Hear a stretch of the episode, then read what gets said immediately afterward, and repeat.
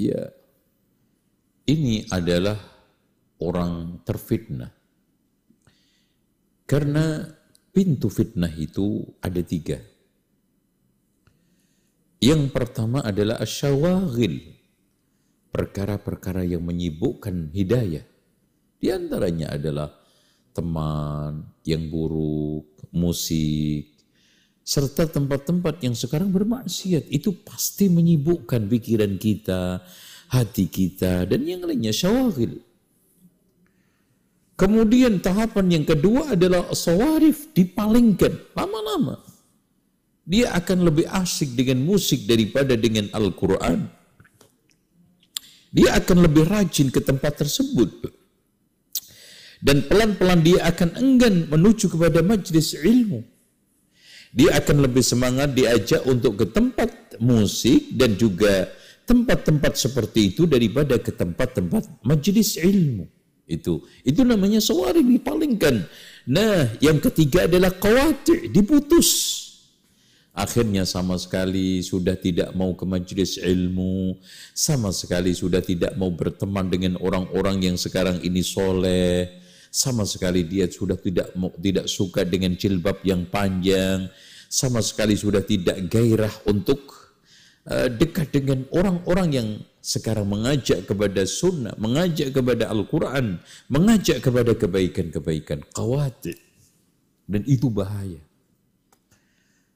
Apalagi subhanallah al-qulubu dha'ifatun dikatakan oleh para ulama asyubhatu khatafatun syubhat itu amat menyambar. Wal qulubu dha'ifatun. Hati itu sangat lemah.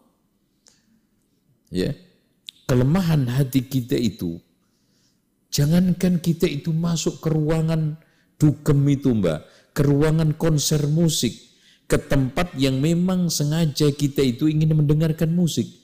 Kita sedang dalam keadaan duduk, nyantai, kemudian dengar musik aja itu tertarik. Tahu-tahu gerak-gerak sendiri, jogetan sendiri itu kepala kita, kaki kita. Subhanallah, coba bayangkan. Bagaimana kita tanpa sadar ternyata perasaan kita, gerak tubuh kita itu mengikuti irama musik dan nyanyian tersebut.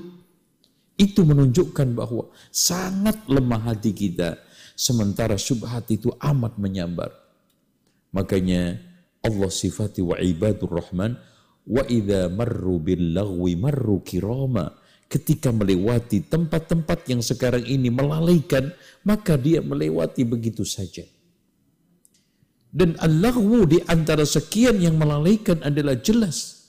Musik yang di situ adalah perpaduan antara lagu, nyanyian, dengan irama alat-alat itu yang disebut dengan musik.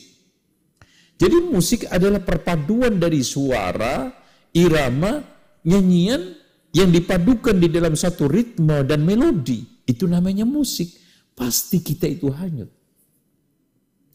Bahkan ya dikatakan oleh Allah Subhanahu wa taala di dalam surat Luqman, "Wa minan nasi man yashtari lahwal hadisi liyudilla an sabilillah." Ada sebagian orang yang menjual belikan lahwul hadis satu ucapan-ucapan, ungkapan-ungkapan yang melalaikan di antaranya adalah apa? Kalimat-kalimat, kata-kata yang terungkap di dalam nyanyian.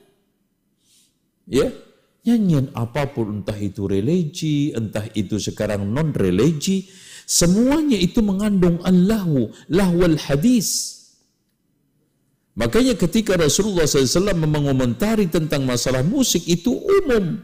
Sayakunu fi ummati aqwamun yastahilluna al-hirra wal harir wal khamra wal ma'azif.